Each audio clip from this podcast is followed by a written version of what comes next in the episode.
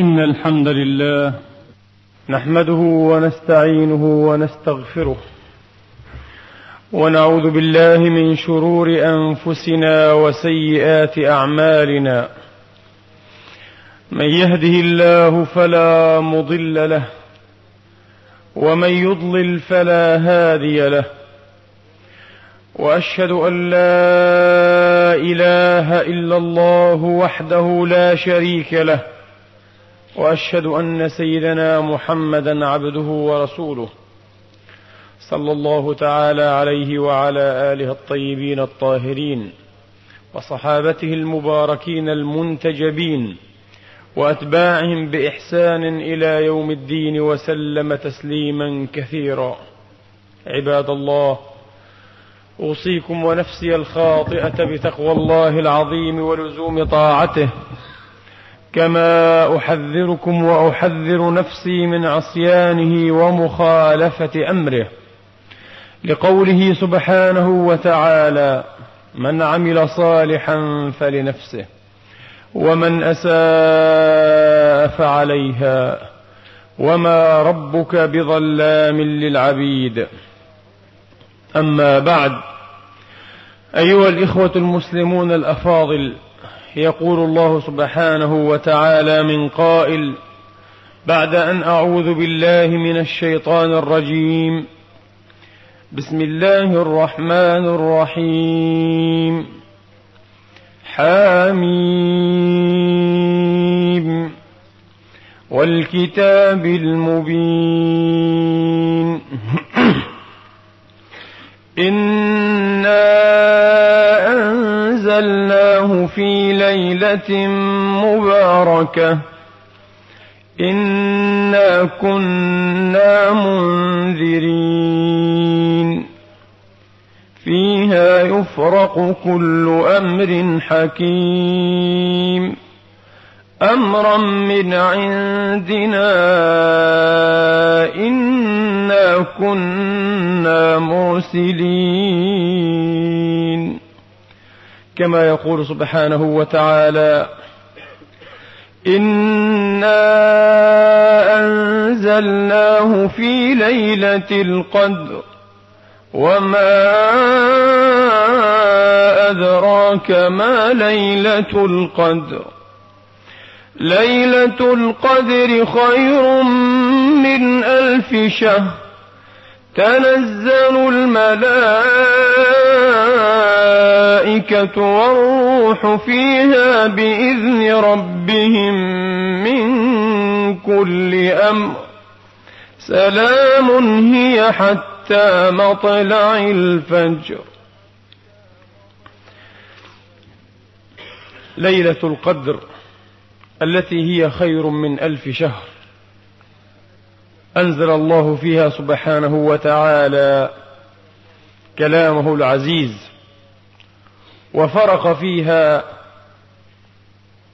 كل أمر من أمر الحياة والممات ومن أمر العز والذل ومن أمر العطاء والحرمان فهي ليلة الفرق. والصحيح من أقوال المفسرين في الليلة المباركة ليلة الفرق أو الفرقان إنا أنزلناه في ليلة مباركة إنا كنا منذرين فيها يفرق كل أمر حكيم أنها ليلة القدر. وقد قال بعض إنها ليلة النصف من شعبان لكن الأول عليه الأكثرون من العلماء وهو الأصح والأقوى إن شاء الله تعالى. وفي كيفية إنزال الكتاب العزيز في ليلة القدر خلافات بين العلماء وأشهر هذه الأقوال واولاها بالصحة. قول من قال إن الله تبارك وتعالى أنزل كتابه العزيز جملة واحدة ليلة القدر. من اللوح المحفوظ إلى سماء الدنيا أي إلى السماء الدنيا. من اللوح المحفوظ إلى سماء الدنيا إلى بيت العزة في السماء الدنيا. وهذا مروي بأسانيد صحيحة عن حبر الأمة عبد الله بن عباس رضي الله تعالى عنه وأرضاه كما أخرج الإمام الحاكم والبيهقي عنه بإسناد صحيح أنه قال رضي الله تعالى عنه وأرضاه أنزل الله سبحانه وتعالى الكتاب ليلة القدر جملة واحدة إلى سماء الدنيا ثم كان بعد ذلك ينزله على مواقع النجوم على مواقع النجوم بعضه إثر بعض على محمد عليه الصلاة وأفضل السلام على محمد عليه الصلاة وأفضل السلام. فالكتاب نزل جملة واحدة من اللوح المحفوظ في السماء السابعة إلى بيت العزة في السماء الدنيا جملة واحدة. ثم أنزله الله منجما أي مفرقا على مواقع النجوم بحسب الحاجات وبحسب المقتضيات تمكثا وتأودة كما قال سبحانه وتعالى آه على مكث ونزلناه تنزيلا ونزلناه تنزيلا. وهذا الفعل المضعف نزل يدل على أن الإنزال كان مرة تلو مرة. فرق في لغة العرب بين قولهم أنزل ونزل. أنزل أي جملة واحدة. ونزل أي مرة تلو الأخرى. مرة تلو الأخرى. فإن أنزلت حمولة الدابة مرة واحدة قلت أنزلتها. وإن نزلتها على دفعات قلت نزلتها. ونزلناه تنزيلا لتقرأه على الناس على مكث. ونزلناه تنزيلا تمكث في تنزله أو في تنزيله وتمكث في تلاوته وقراءته على الناس كما قال سبحانه وتعالى من قائل.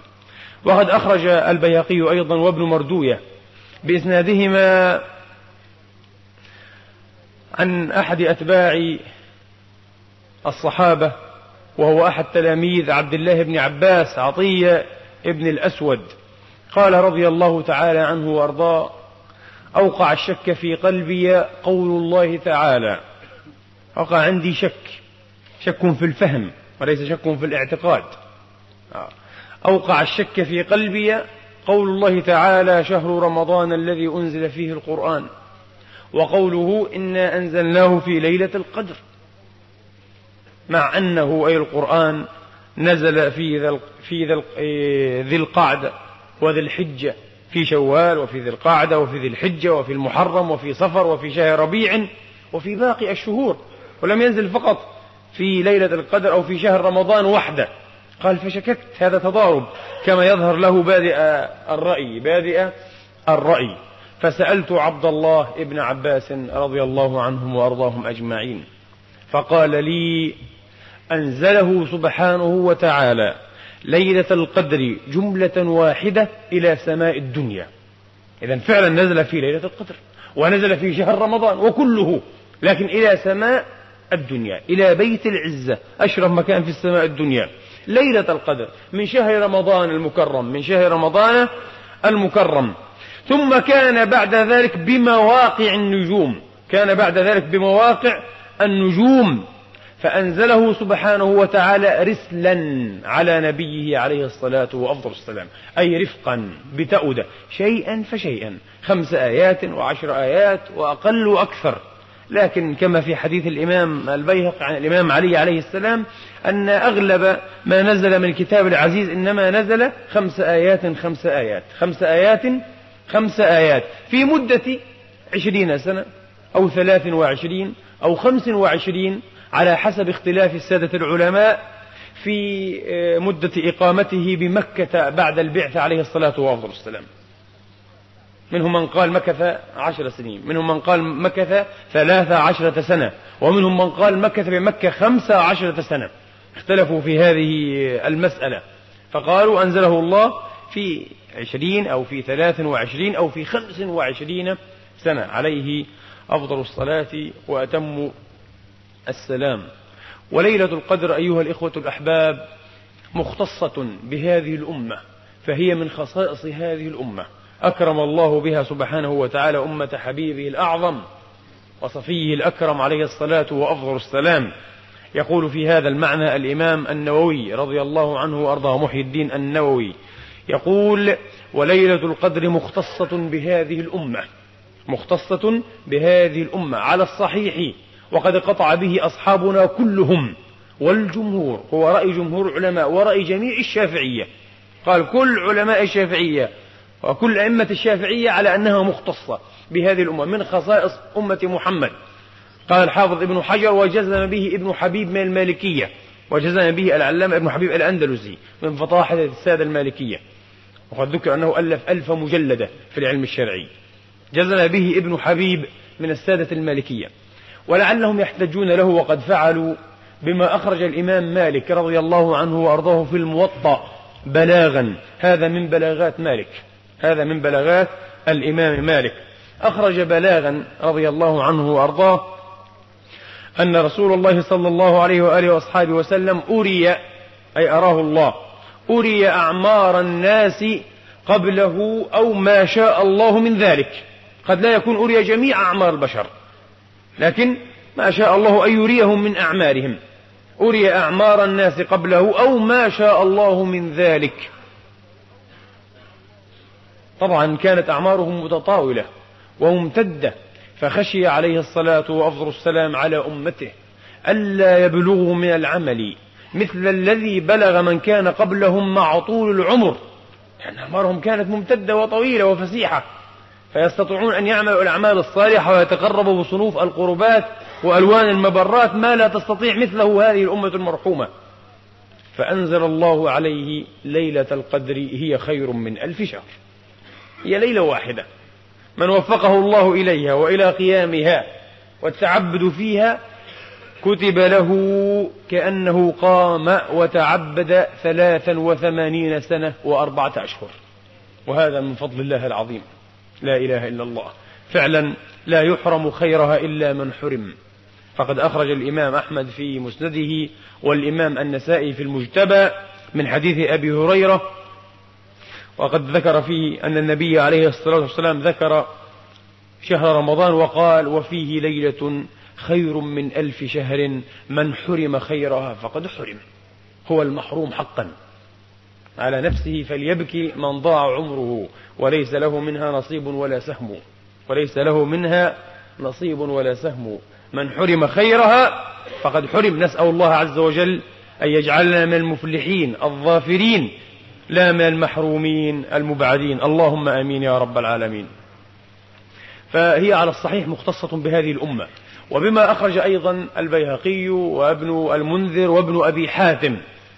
عن التابعي الجليل مجاهد المفسر الشهير رضي الله عنهم وأرضاهم أجمعين قال ذكر رسول الله صلى الله عليه وآله وأصحابه وسلم ذات مرة لصحابته رجلا من بني إسرائيل فارسا حمل السلاح في سبيل الله أي في سبيل الله بمعنى الجهاد أي مجاهدا مرابطا حمل السلاح في سبيل الله ألف شهر يعني 83 سنة وأربعة أشهر وهو مجاهد في سبيل الله.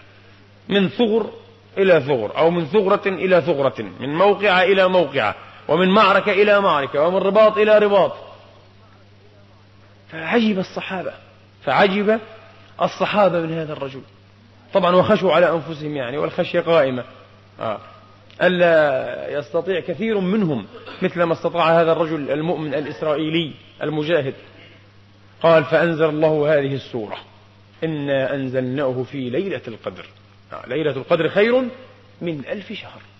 خير من هذه الأشهر. حتى قال بعض العلماء بل فضل ليلة القدر فوق ذلك أكثر من ألف شهر. وإنما ذكر ألف شهر للتكثير لأن الألف عدد فعلا يضرب إيه؟ للتكثير مثلا. يضرب للتكثير مثلا وإنما فضله أنها فوق ألف شهر أيضا. لكن ذكر للتكثير وأكثر السادة العلماء على أن هذه الليلة أفضل من ليلة الجمعة. واختلفوا هل هي أفضل من ليلة المعراج أو أن ليلة المعراج أفضل منها. والذي أرتاح إليه أن ليلة المعراج أفضل منها في حق رسول الله. وليلة القدر أفضل من ليلة المعراج في حقنا نحن. في حقنا نحن. وإن أردنا قطع النسبيات والإضافات والعلائق آه، فأرتاح أن ليلة المعراج أشرف وأجل. لأنها ليلة عظيمة دونها كل الليالي وكانت ليلة بليالي. وليلة وصل بات منجز وعده سميري فيها بعد طول مطالي. شفيت فيها قلبا قد أطيل عليله زمانا فكانت ليلة بليالي. فهي مع قطع العلائق والإضافات قطعا أفضل من ليلة القدر. لكن إن أضفنا ليلة المعراج إلى رسول الله فهي أشرف وأفضل وإن أضفنا ليلة القدر إلينا نحن فهي في حقنا أشرف وأفضل وأقدر وأعظم قدرا إن شاء الله تعالى. والله تبارك وتعالى أعلم.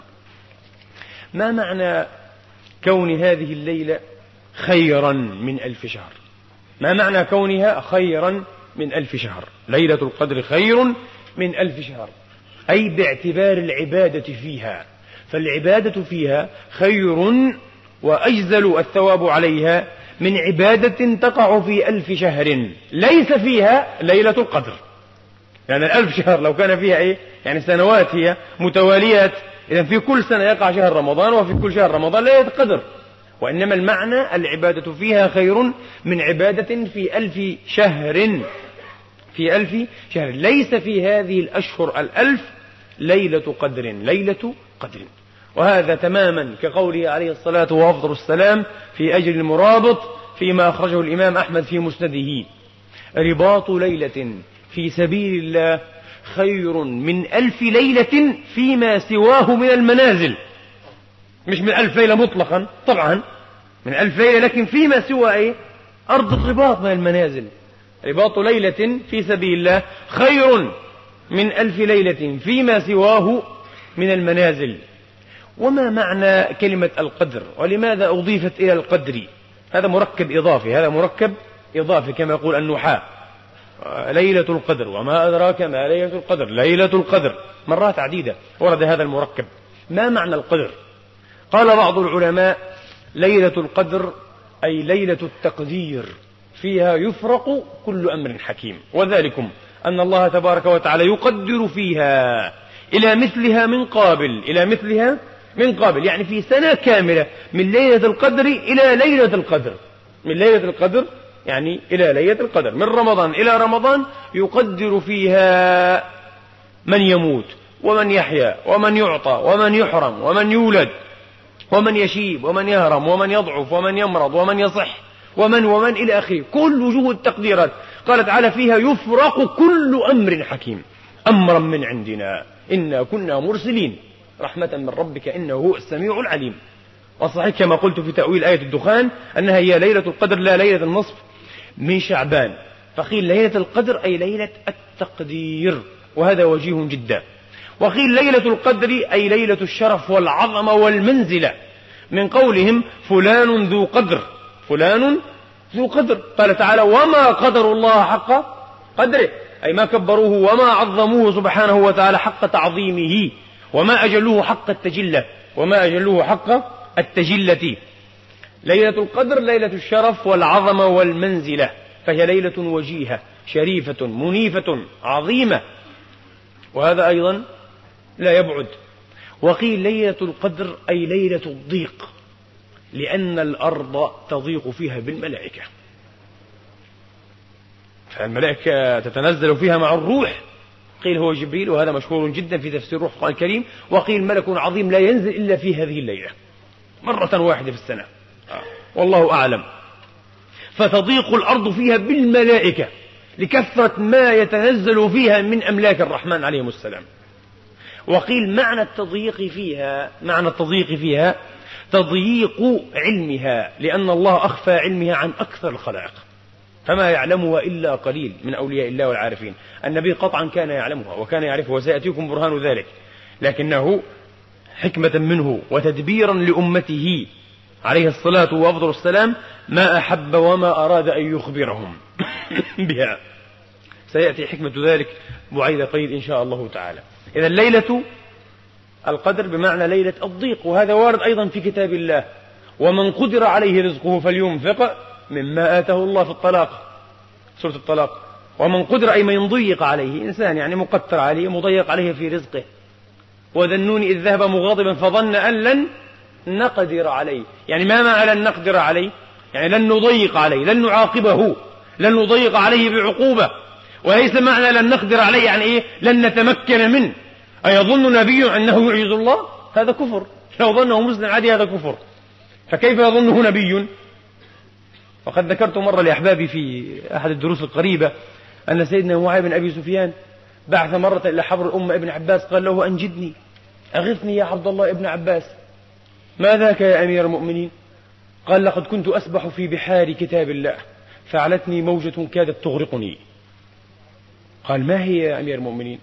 قال قوله تبارك وتعالى فظن أن لن نقدر عليه كيف يظن نبي أن الله, أن الله لا يقدر عليه فقال يا أمير المؤمنين ليس من القدرة وإنما من القدر أي التضييق. قال تعالى ومن قدر عليه رزقه فلينفق مما أتاه الله. قال جزاك الله عنا وعن المسلمين خير الجزاء. هذا الفهم. اللهم إيه فقهه في الدين وعلمه التأويل.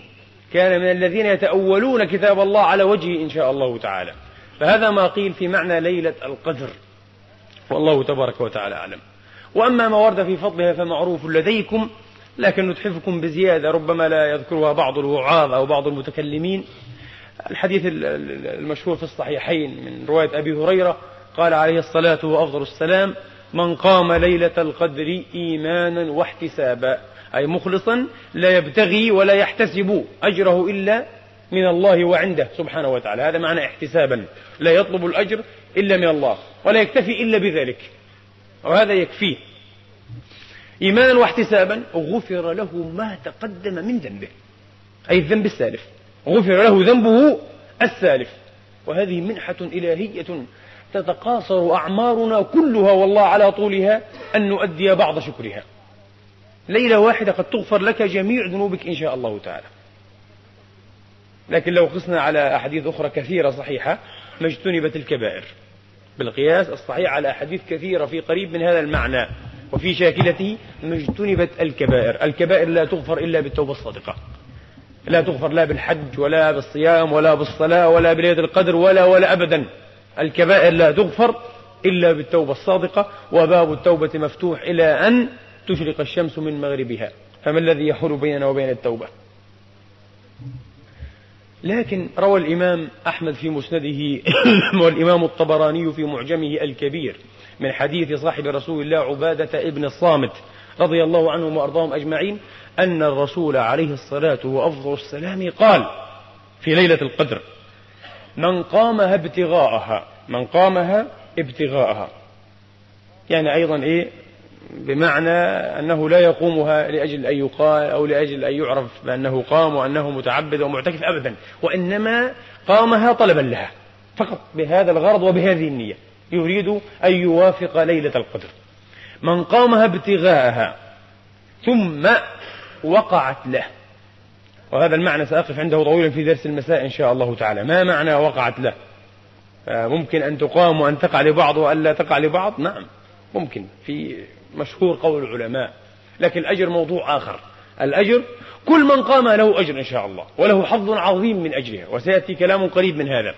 لكن أن تقع أو لا تقع هذه مسألة أخرى فهي تقع لبعض الناس ولا تقع لبعض لا تقع إلا لمن وفقه الله. قال من قامها ابتغاءها ثم وقعت له غفر له ما تقدم من ذنبه والزيادة التي أريد أن تحكم بها وما تأخر. لا إله إلا الله. هذه منحة عظيمة منحها الله نبيه الكريم ليغفر لك الله ما تقدم من ذنبك وما تأخر. ويمكن أن تعطى لبعض أولياء هذه الأمة الركع السجد الموفين بالعهود. غفر له ما تقدم من ذنبه وما تأخر. ومعنى ما تأخر أي ما يستقبل من الذنب. كل ما هو في ضمير الغيب والمستقبل مما ستفعله من ذنب مغفور قبل أن يقع. لا إله إلا الله. مغفور لك قبل أن يقع وقبل أن تستغفر. ليلة واحدة. هذا شيء عظيم جدا ورد في فضل ليلة القدر. لمن يحصل فضلها؟ فضل ليلة القدر يحصل لمن قامها. من قامها كلها وأغلب ليلها بلا شك يحصل له هذا الفضل إن شاء الله. ولكن الأجر بحسب النية وبحسب الاجتهاد وبحسب ما يعلم الله من قلب عبده. فالمدار يا أحبابي ليس على الاجتهاد وإنما على القبول. المدار ليس على الاجتهاد. وإنما على القبول ولا ننقص من أجر الاجتهاد والمجتهدين لكن العبرة بالقبول. فرب قائم ليس له من قيامه إلا السهر. رب قائم محروم ورب نائم مرحوم. هذا قام وقلبه فاجر وهذا نام وقلبه ذاكر. من لي بمثلك من لي بمثل سيرك المذلل؟ تمشي رويدا ثم تجي في الأول. طبعا المدار على القبول وليس على شيء آخر.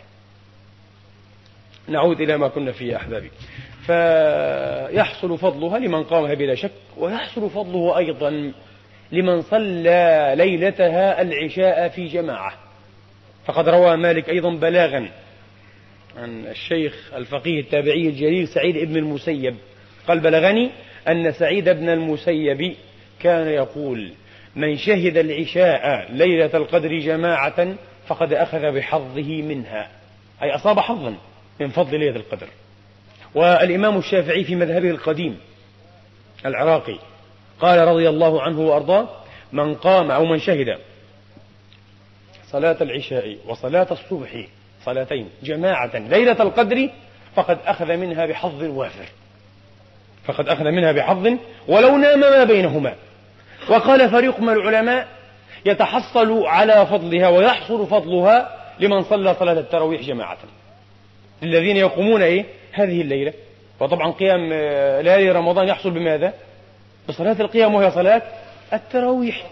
فمن صلى التراويح جماعة إن شاء الله أخذ بحظه منها. ومن صلى المغرب والعشاء حتى ينقضي رمضان جماعة فله حظ عظيم منها. لما أخرج البيهقي في الشعب وغيرها من حديث أنس بن مالك أنه عليه الصلاة وأفضل السلام قال من صلى المغرب والعشاء جماعة حتى ينقضي رمضان فقد أخذ بحظه من ليلة القدر. فقد أخذ بحظه من ليلة القدر. فهؤلاء هم الذين يتحصلون على فضلها. ما هي الحكمة الشرعية من إخفاء ليلة القدر وتضييق علمها؟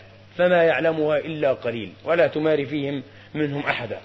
لا يعلمها إلا من خصه الله بعلمها. الحكمة هي ما ورد في حديث عبد الله بن أنيس بإسناد حسن. قال قلت يا رسول الله أي ليلة تبتغى فيها ليلة القدر؟ دلنا عليها عينها لنا حددها. أي ليلة يا رسول الله تبتغى فيها ليلة القدر؟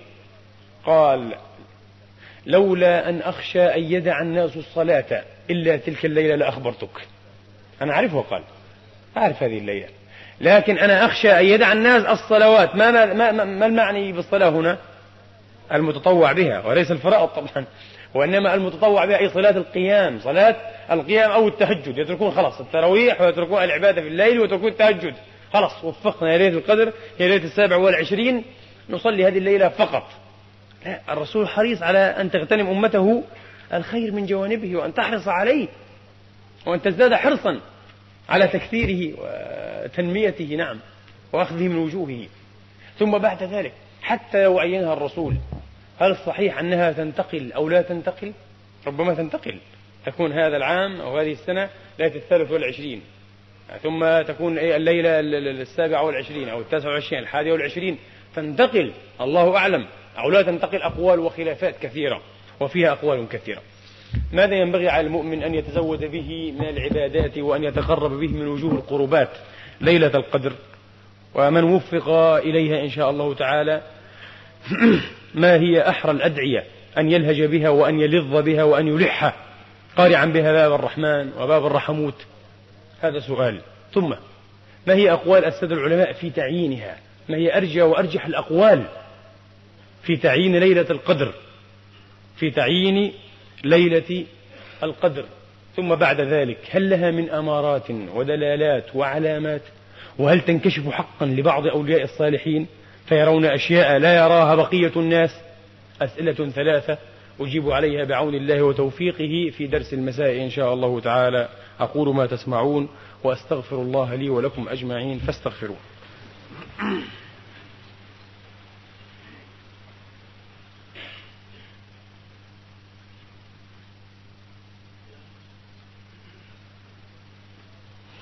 الحمد لله رب العالمين. الحمد لله الذي يقبل التوبة عن عباده ويعفو عن السيئات ويعلم ما تفعلون. ويستجيب الذين آمنوا وعملوا الصالحات ويزيدهم من فضله والكافرون لهم عذاب شديد.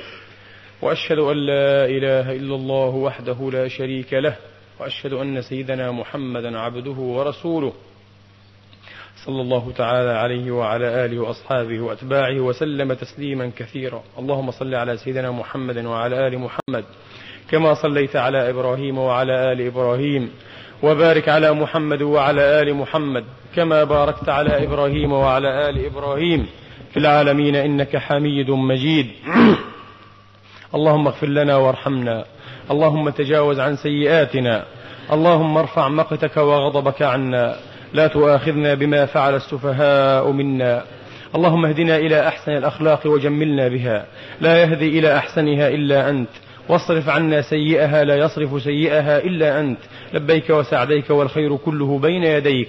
إنا بك وإليك ولا حول ولا قوة إلا بك. اللهم إنا نسألك الهدى والتقى والعفاف والغنى. اللهم أعنا على ذكرك وشكرك وحسن عبادتك. اللهم تقبل عنا أحسن ما عملنا وتجاوز عن سيئاتنا في أصحاب الجنة. وعد الصدق الذي كانوا يوعدون. ربنا آتنا في الدنيا حسنة وفي الآخرة حسنة. وقنا عذاب النار. اللهم ارحمنا في شهر رمضان واغفر لنا ذنبنا كله خطأه وعمده دقه وجله سره وعلانيته قديمه وحديثه. اللهم اعتق رقابنا ورقاب آبائنا وأمهاتنا وإخواننا وأخواتنا وأحبابنا والمسلمين والمسلمات من نار جهنم في شهر رمضان يا رب العالمين. اللهم اكتبنا فيه من المقبولين واكتبنا فيه من المنجحين واجعلنا فيه من الظافرين الفائزين ولا تجعلنا في زمرة الخائبين يا رب, يا رب العالمين.